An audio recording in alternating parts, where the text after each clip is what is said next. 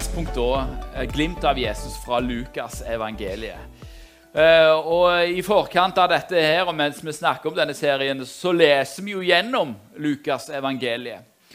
Eh, og da er det jo sånn at noen ganger så Vi har helst lyst til å fokusere på, på Jesus som frelser, på Jesus som den tilgivende, som møter syndere som helbreder folk, og som setter folk i frihet.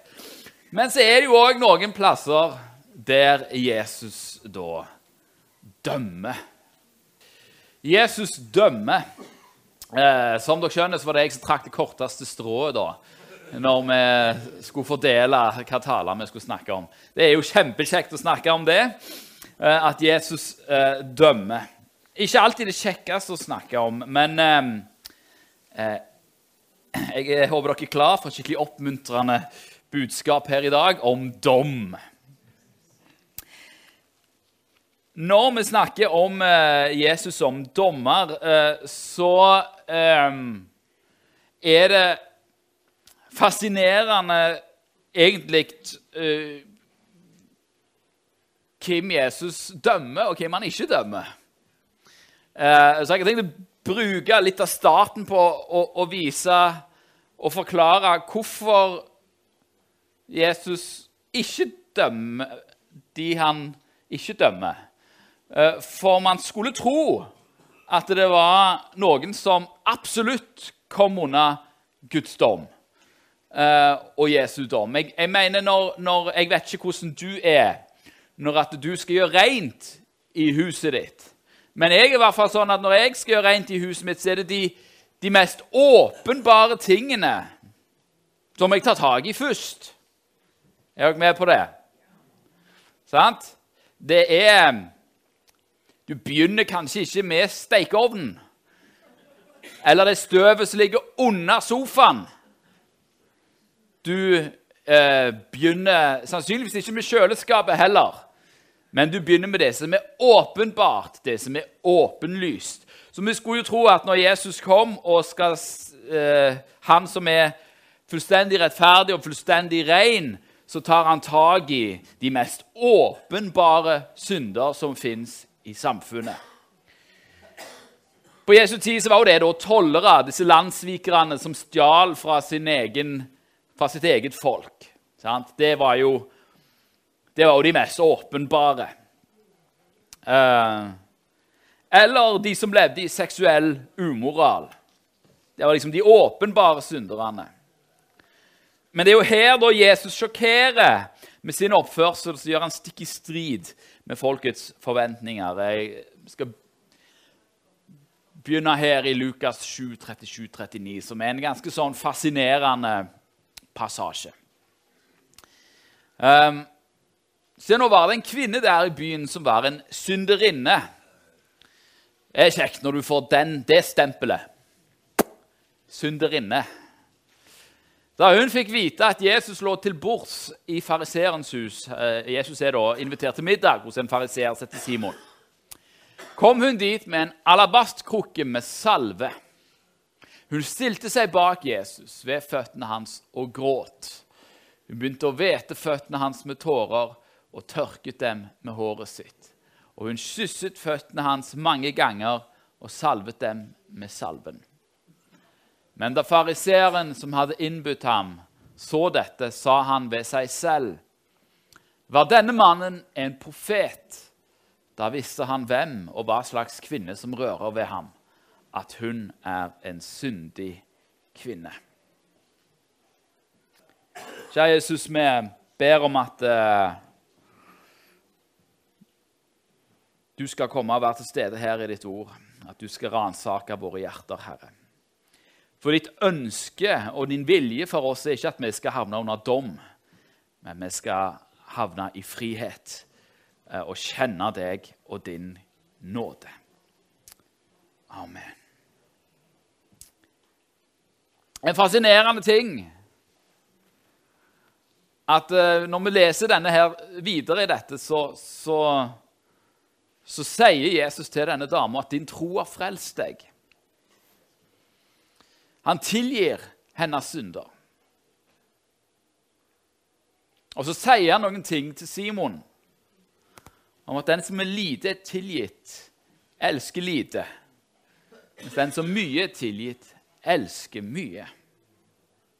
Det er, sånn et, uh, det er en sånn gjenganger som går igjen i hele Lukasevangeliet. Lukas poengterer det, at uh, de som gjør disse åpenbare syndene, de holder seg nær til Jesus. Lukas 15, 1-2 sier alle tollere og syndere holdt seg nær til ham for å høre ham. Og både fariseerne og de skriftlærde knurret, altså de var irriterte, og sa denne mannen tar imot syndere og eter sammen med dem. Han spiser sammen med syndere. Og, og for, for, for, jøder så var det å, å spise sammen med syndere det, det, var på en måte det var det samme som å ta del i deres synd. Altså, du kan lese nå bare kommer jeg på her, du kan lese den første salmen. Salme 1.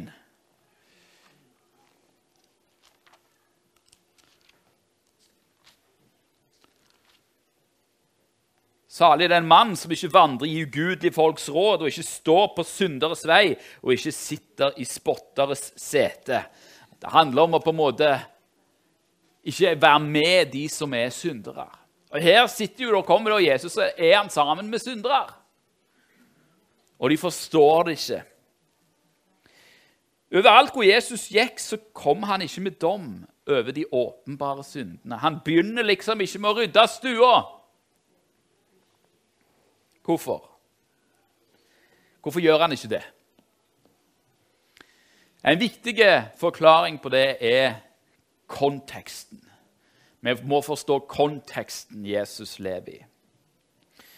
I det jødiske samfunnet på Jesu tid så er Guds bud det er en integrert del av samfunnet.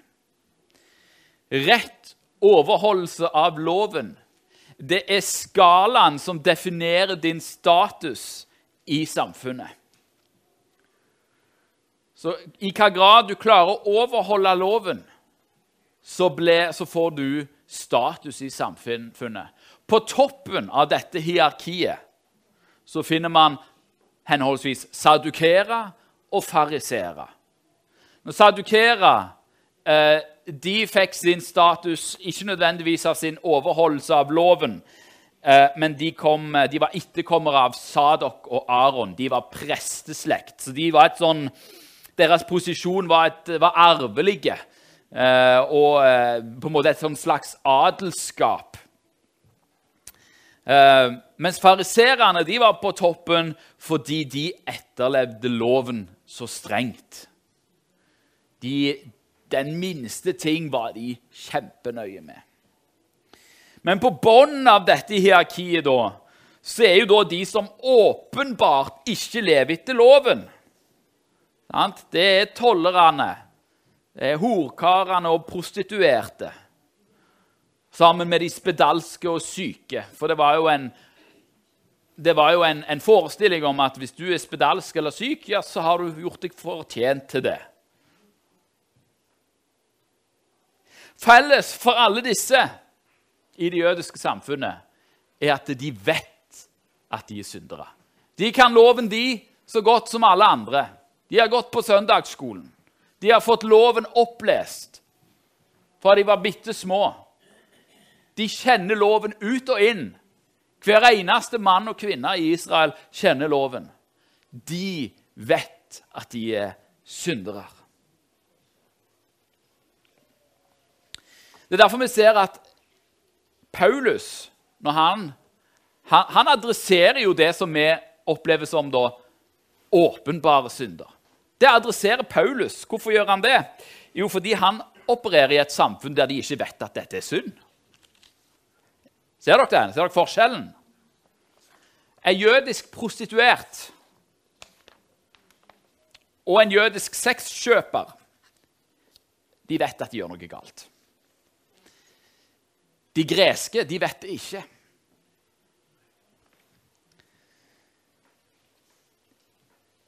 Den jødiske prostituerte er per definisjon på bånn av samfunnet. Den greske er det ikke. Det fantes greske prostituerte som hadde høy status.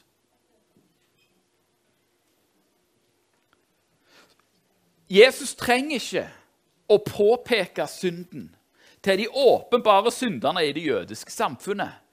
De vet det allerede. De er på mange måter ærlige syndere. De er allerede dømt av samfunnet rundt dem.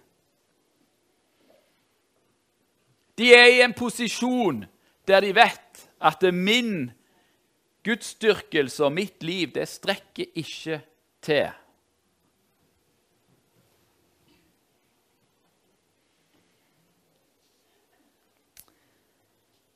Da står det verre til med herskerklassen i Israel. Jeg skal litt tilbake, og så ser vi på denne responsen til Simon, fariseeren, når han ser dette som foregår, at ei dame kommer inn som alle vet er synder, og så kysser hun Jesus sine bein. Dette her er ikke Dette er ikke i henhold til skikk og bruk. Sånne damer, de, de, de skal ikke komme inn her. De er ikke invitert. Ser dere hva som, er, hva som er hans Hva er det som er feilen? Var denne mannen en profet? Da visste han hvem og hva slags kvinne som rører ved ham, at hun er ei syndig kvinne. Alt det han sier, er jo rett. Ja. Mannen er en profet, og mer enn en profet.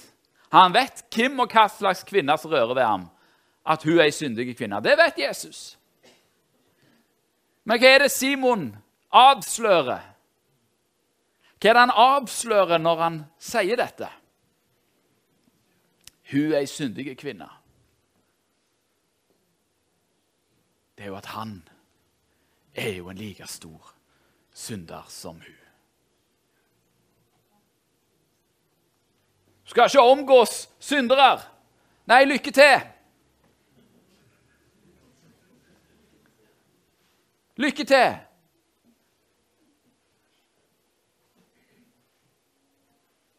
Han kunne jo like godt sagt var denne mannen en profet. Da visste han hvem og hva slags mann som hadde invitert han på middag.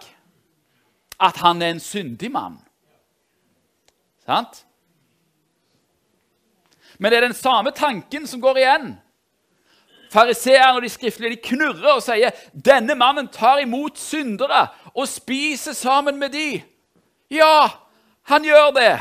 Han kommer til og med til bords hos fariseerne.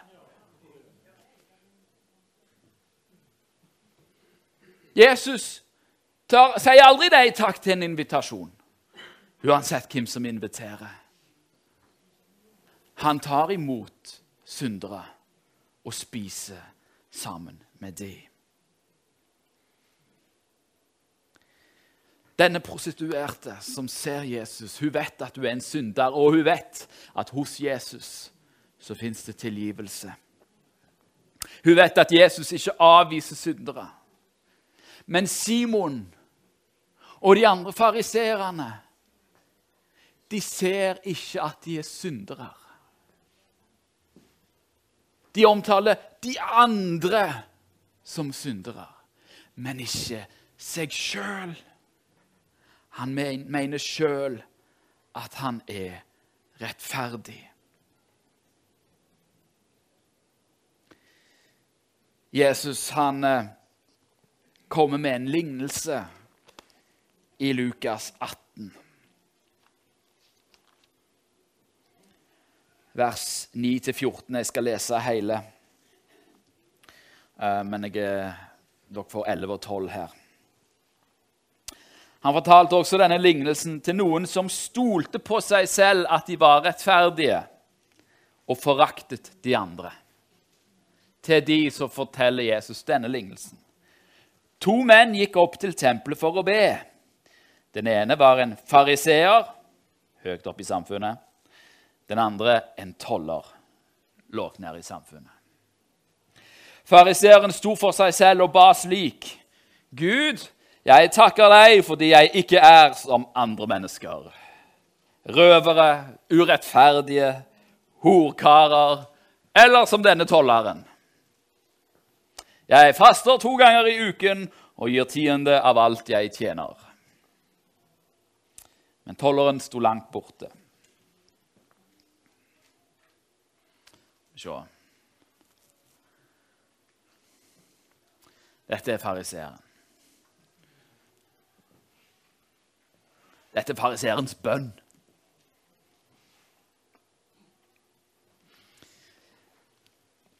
Man skulle tro at uh, Jesus overdriver litt. Jeg, jeg har tenkt meg selv, ja, men Fariseerne kunne jo ikke be sånne bønner. Du overdriver nå i historien din. Uh, til den dag i dag Vet dere hva som er morgenbønnen til rabbinske jødiske menn? Skal jeg fortelle den til dere? innenfor rabbinsk jødedom, som er etterkommerne av fariseerne, så, så, går bønn sånn som dette. Takk Gud at jeg ikke er en hedning, en kvinne eller en slave. En hedning, en slave og en kvinne. De kvinnelige bønnene er faktisk mye bedre. Men for, for, for menn er det, det åpningsbønn. Det er jo takk for at jeg ikke er som andre mennesker. Røvere, urettferdige, horkarer eller som denne tolleren. Ja. Men tolleren sto langt borte. Han ville ikke engang løfte øynene mot himmelen, men slo seg for sitt bryst og sa, 'Gud, vær meg synder nådig.' Jeg sier dere, sier Jesus, denne gikk rettferdiggjort hjem til sitt hus, altså fri, frikjent hjem til sitt hus. Men ikke den andre. For hver den som opphøyer seg, skal fornedres. Men den som fornedrer seg sjøl, skal opphøyes.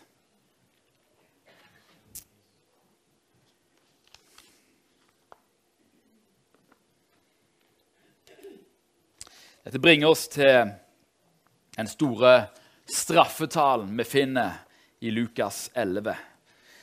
Matteus har en enda heftigere straffetale eh, enn denne, men eh, vi får nøye oss med denne. Jeg, skal, jeg, har ikke tatt den opp, for den er nokså lang, så dere får følge med. Det begynner òg med, eh, med en invitasjon. Dette sier Jesus når han har vært invitert på middag. Eh, fra 1137 eh, til 54. Da han hadde talt, ba en fariser ham om å ete hos seg. Og Jesus gikk inn og satte seg til bords. Jesus, Når noen inviterer Jesus inn Jesus kommer. Men da fariseren så at han ikke vasket seg først før måltidet, undret han seg. Kommer tilbake til det etter hvert, hva det betyr. Men Herren sa til ham, nå, dere fariseere, dere renser beger og fat utvendig, men innvendig er dere fulle av rov og ondskap. Dårer! Han som skapte det utvendige, har han ikke også skapt det som er innvendig? Men gi det som er inni, til almisse, og se, da er alt rent for dere. Men ved dere, fariseere, ved er altså skrik, jamra dere, fariserer. For dere gir tiende av mynte og rute og alle slags hagevekster, og forsømmer rettferd og kjærlighet til Gud. Dette burde gjøres, og det andre ikke lates ugjort. Ved dere, fariseere, for dere elsker de fremste setene i synagogene og vil gjerne at folk skal hilse dere på torget. Ved dere, for dere er liksom ukjennelige graver som menneskene går omkring på uten å vite det. Da tok en av de lovkyndige til orde og sa til ham, 'Mester, når du sier dette, krenker du også oss.' Men han sa, 'Ved også dere lovkyndige.' For dere lesser tunge byrder på menneskene, byrder som de vanskelig kan bære, og selv rører dere ikke byrdene med en finger. Ved dere fordi dere bygger gravmæler for profetene, de som deres fedre slo i hæl. Altså gir dere vitnesbyrd og samtykke til deres fedres gjerninger. For de slo i hæl, og dere bygger. Derfor har Guds visdom sagt, 'Jeg vil sende til dem profeter og apostler.' Noen av dem skal de slå i hæl, og noen skal de forfølge. For at alle profeters blod som er utøst fra verdens grunnvoll, ble lagt, skal bli krevd av denne slekt. Fra Abels blod like til Zakarias blod, han som ble drept mellom alter og tempelet. Ja, sier jeg dere, av denne slekt skal det bli krevd. Ved dere, lovkyndige, for dere har tatt kunnskapens nøkkel. Selv har dere ikke gått inn, og dem som var i ferd med å gå inn, har dere hindret.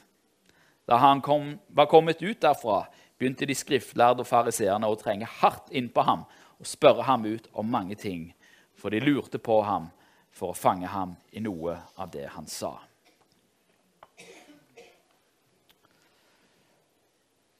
Hva slags synd er det fariseerne og de lovkyndige har gjort som er så alvorlig at Jesus har en så heftig straffetale over dem? Vel, det er jo først og fremst hykleriet. De har en veldig streng overholdelse av de ytre budene. De gir tiende. Og så gir de tiende av hagevekster og tiende av krydder, som det ikke står noen ting om i loven. De skal vise at de er best. En annen plass står det at de gjør minneduskene store og bønneremmene breie for å vise at de tar loven på alvor.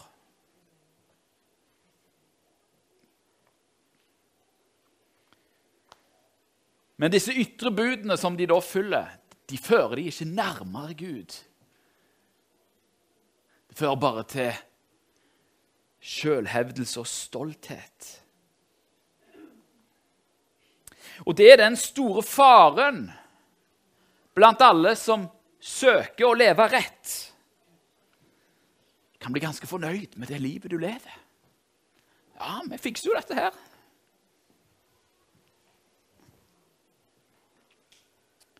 Og så begynner du å se ned på de som du mener burde ta seg sammen. Prøve litt hardere.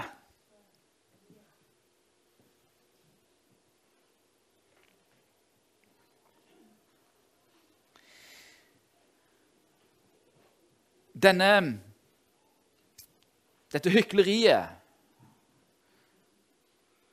som fører til denne stoltheten, hvordan viser den seg? Jo, han viser seg i forakt. Forakt for andre mennesker. Hvordan vet vi det? Vel, Johannes, I Johannes så, så, så får vi et lite innblikk om hvordan fariseerne omtaler Jesus har vel noen av rådsherrene trodd på ham, eller noen av fariseerne. Men denne hopen, som ikke kjenner loven, er forbanna. Det var sånn som de så på folket. På de som ikke levde, etterlevde loven like strengt som det de gjorde. De er forbanna. De er ja, hvem tror du de la skylda på for at eh, romerne eh, styrte eh, Judea på denne tida? Tror du de tok ansvaret sjøl? Nei da, de la skylda på, på hopen. Den forbanna hopen som ikke ser, ikke kjenner loven. Deres stolthet ligger i at de kjente loven og mente at de fulgte han. Men som Jesus viser i sin domstale over dem, så lesser de lovkyndige tunge byrder over folket. Det er den andre tingen. De tunge byrdene var ikke loven i seg sjøl, men det er hvordan loven ble tolka. Og Dette er jo en annen ting som er Veldig framtredende på Jesu tid. Blant fariserene er det en haug med rabbier Og Disse kommer da med en haug med fortolkninger for hvordan loven skal overholdes. Det står i loven at du ikke skal arbeide på sabbaten. Og For da å være helt sikre på at folk ikke arbeider, så begynte man å definere hva som regnes som arbeid. Bære senga si, bære i seng, bære noe som helst arbeid. Det er derfor den dag i dag i Israel så er det ingen rettroende ortodoks jøde som trykker på en heisknapp på sabbaten. Det er arbeid. Så Derfor har de sånn automatiske heiser som på en måte kan gjøre dette på egen hånd, sånn at du slipper å trykke på knappen. Ja, dette her er jo Vi skal jo ikke arbeide. Hva kan regnes som arbeid?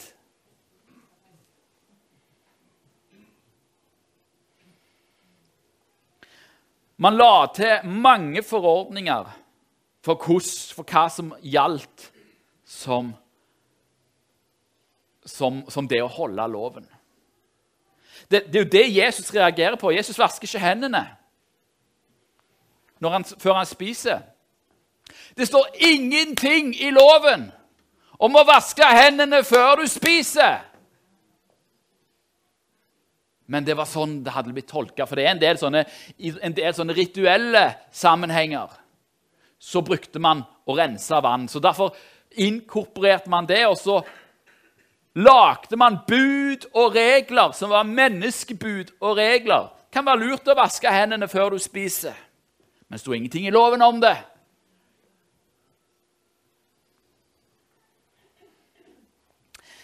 Jeg leste loven her om dagen. Og der kom jeg over noe som jeg ikke hadde oppdaga før, og som jeg plutselig uh, uh. Femte Mosebok 4.1-2. Hør på dette. Så hør nå, Israel, de lover og de bud som jeg lærer dere å holde, for at dere må leve og gå inn i det landet som Herren deres fedres Gud gir dere, og ta det i eie. Dere skal ikke legge noe til det ordet jeg byr dere, og dere skal ikke trekke noe fra, men dere skal holde Herrens, deres Guds bud, som jeg gir dere. Dere skal ikke legge noe til. Hva er det rabbinsk jødedom, hva er det fariseisk, hva er det fariseisme gjør? Det legger noe til. Det legger masse greier til som ikke står. Det er derfor Jesus alltid sier til fariseerne Har dere ikke lest? Har dere ikke lest hva som står skrevet? Men i sine menneskelige tradisjoner ble viktigere enn Guds bud. Ja, Er det viktig å betale tiende? Ja! Men å betale tiende kommer ikke først, sier Jesus. Kjærlighet til Gud, kjærlighet til nesten, det kommer først. Og så litt lenger ned på prioriteringslista så kommer tienden og de andre tingene.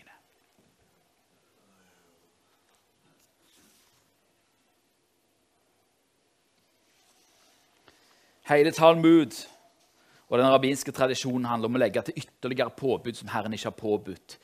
I et forsøk på å framstå ekstra from. Og så, Dernest så ser man ned på de som ikke klarer å følge den tradisjonen som man sjøl har satt som ikke Gud har satt, men som mennesker har satt.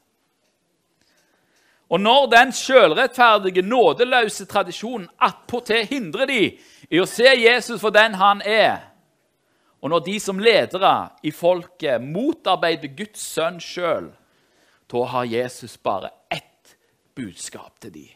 Ved deg. Jamre deg. Skrik, for du står under dommen.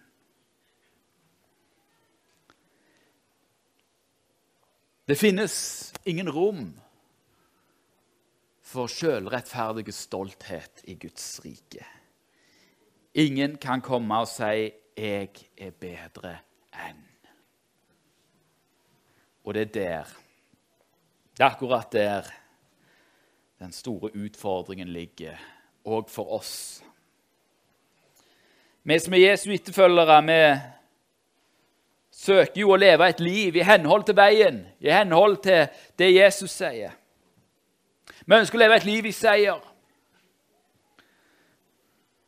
Og vi som har gått på den veien, og kanskje gått lenge på den veien, og oppvokst i den veien til og med, vi kan fort gå i de samme to fellene som fariseerne gikk i. Våre egne tradisjoner kan få forrang for Guds ord. Og det var ei tid der man stort sett skulle gå i slips på møte og dress. Og for all del, kom i dress hvis du gjør det av rett motiv, som jeg, jeg har lyst til å stase meg opp fordi jeg har lyst til å møte Herren. Amen til det. Yes, Halleluja. Stas deg opp. Det er ikke feil. Feilen er når du ser ned på den som ikke staser seg opp. Jakob han sier det. Det kommer inn en med fine klær, og dere gir han hedersplassen. Så kommer det en inn med skitne klær. Det, det er der tradisjonene går. Eller tradisjonen som sier at man ikke skulle danse.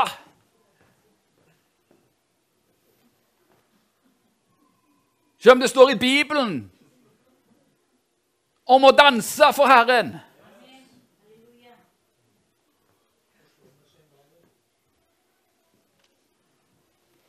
Trommer det var jo synd. Selv om det står i Bibelen om trommer. Hant? Slå på Ja, feler, det var en annen. Selv om det står om strenge instrumenter. Gitaren har sikkert òg vært. Det er bare orgel som er hellig musikk, sier, sier Bibelen. Nei, det gjør ikke det. Det er tradisjonen som sier det. Men orgel kan være fantastisk.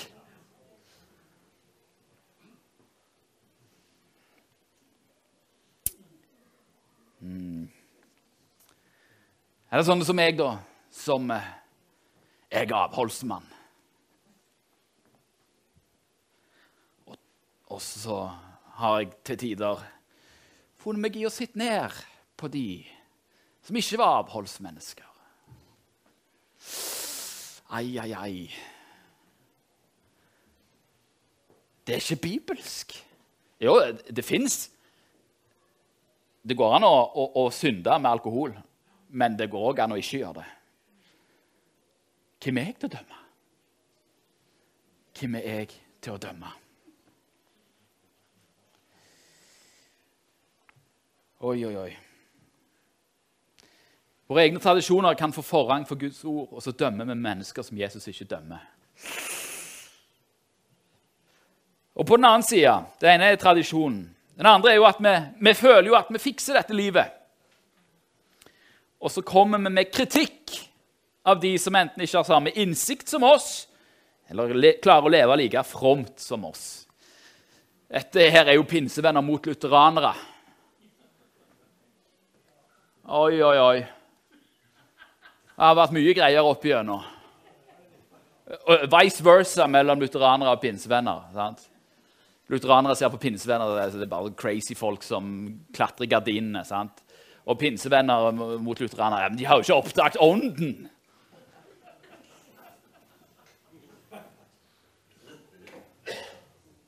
Eller mot katolikkene. Helgen er om jomfru Maria. Sant? Og så, så behandler man mennesker med forakt.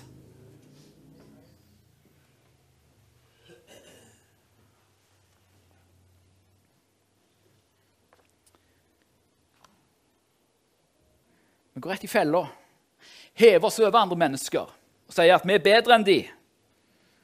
Og med det så plasserer vi oss sjøl under dommen. For hver den som sier at han er bedre enn andre, som er stolt av seg sjøl og Det betyr ikke at du ikke skal finne glede i deg sjøl. Amen til det. Jeg lager musikk, og når jeg har lagd en sang, så er jeg fornøyd. Men det betyr ikke at jeg er bedre enn andre som lager musikk. Er dere med? Selve utgangspunktet for evangeliet er at jeg har ikke fått det til. Første Korinterbrev 4,7 sier, 'Hvem gir vel deg forrang?'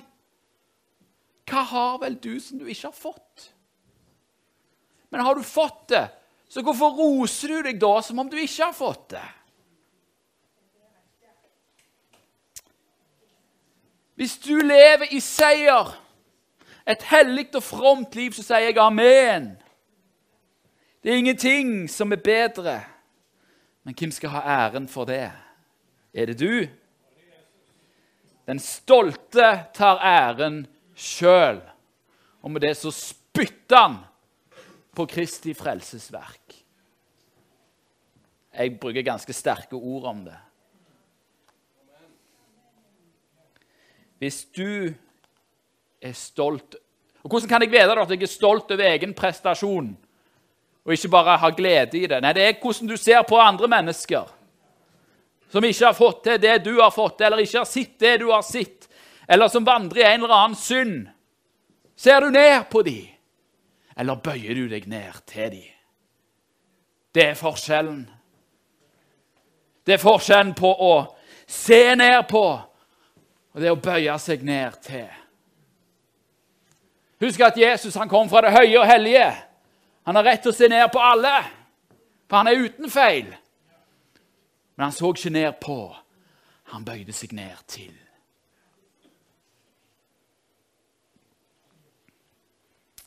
Et menneskes stolthet fører ham til fall, men den ydmyke vinner ære.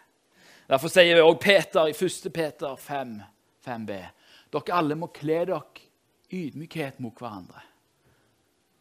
Ikle dere ydmykhet mot hverandre.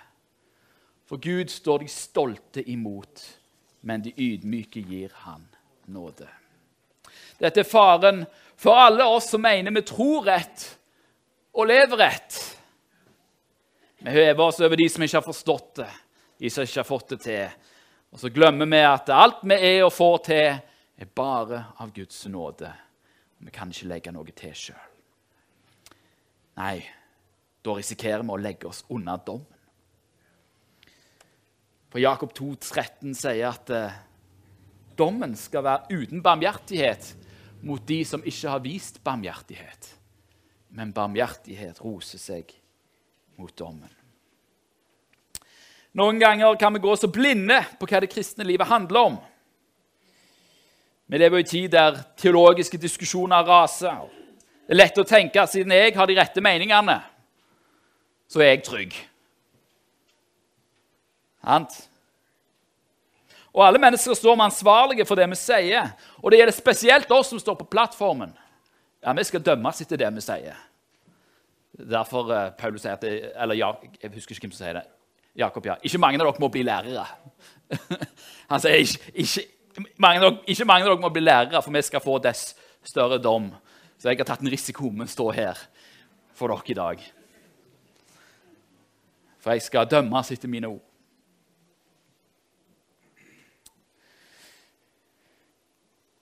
Vi skal bli dømt etter vi har formidla Guds råd sant.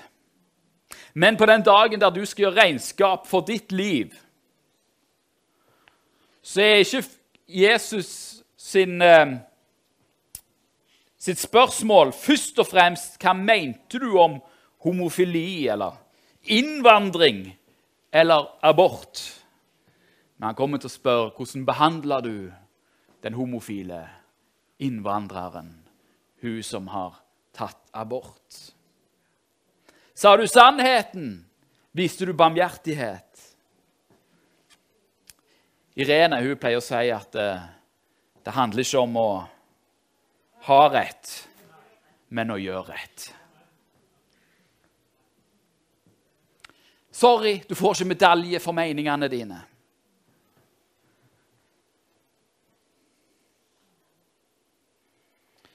Men gjør et, er det handlingsreligion vi driver med da? Nei. Men det hjertet er fullt av, det kom ut. Hvis ditt hjerte er fullt av stolthet, så kommer det ut. Og vet at Jeg som står her på plattformen, jeg er ikke bedre enn vranglæreren. Jeg er ikke bedre enn ekteskapsbryteren. Jeg er ikke bedre enn svindleren eller tyven. Hvis Gud ikke møter meg med nåde, så er jeg fortapt. Da er jeg fortapt. Ingen preken, ingen god gjerning kan gjøre opp for mine synder. Det er det bare én ting som kan, og det er Guds nåde i Jesus Kristus. Men jeg har fått nåde.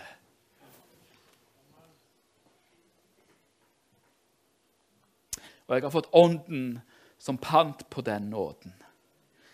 Og Det fyller hjertet mitt med glede og en lyst til å prise Han og gi Han all ære.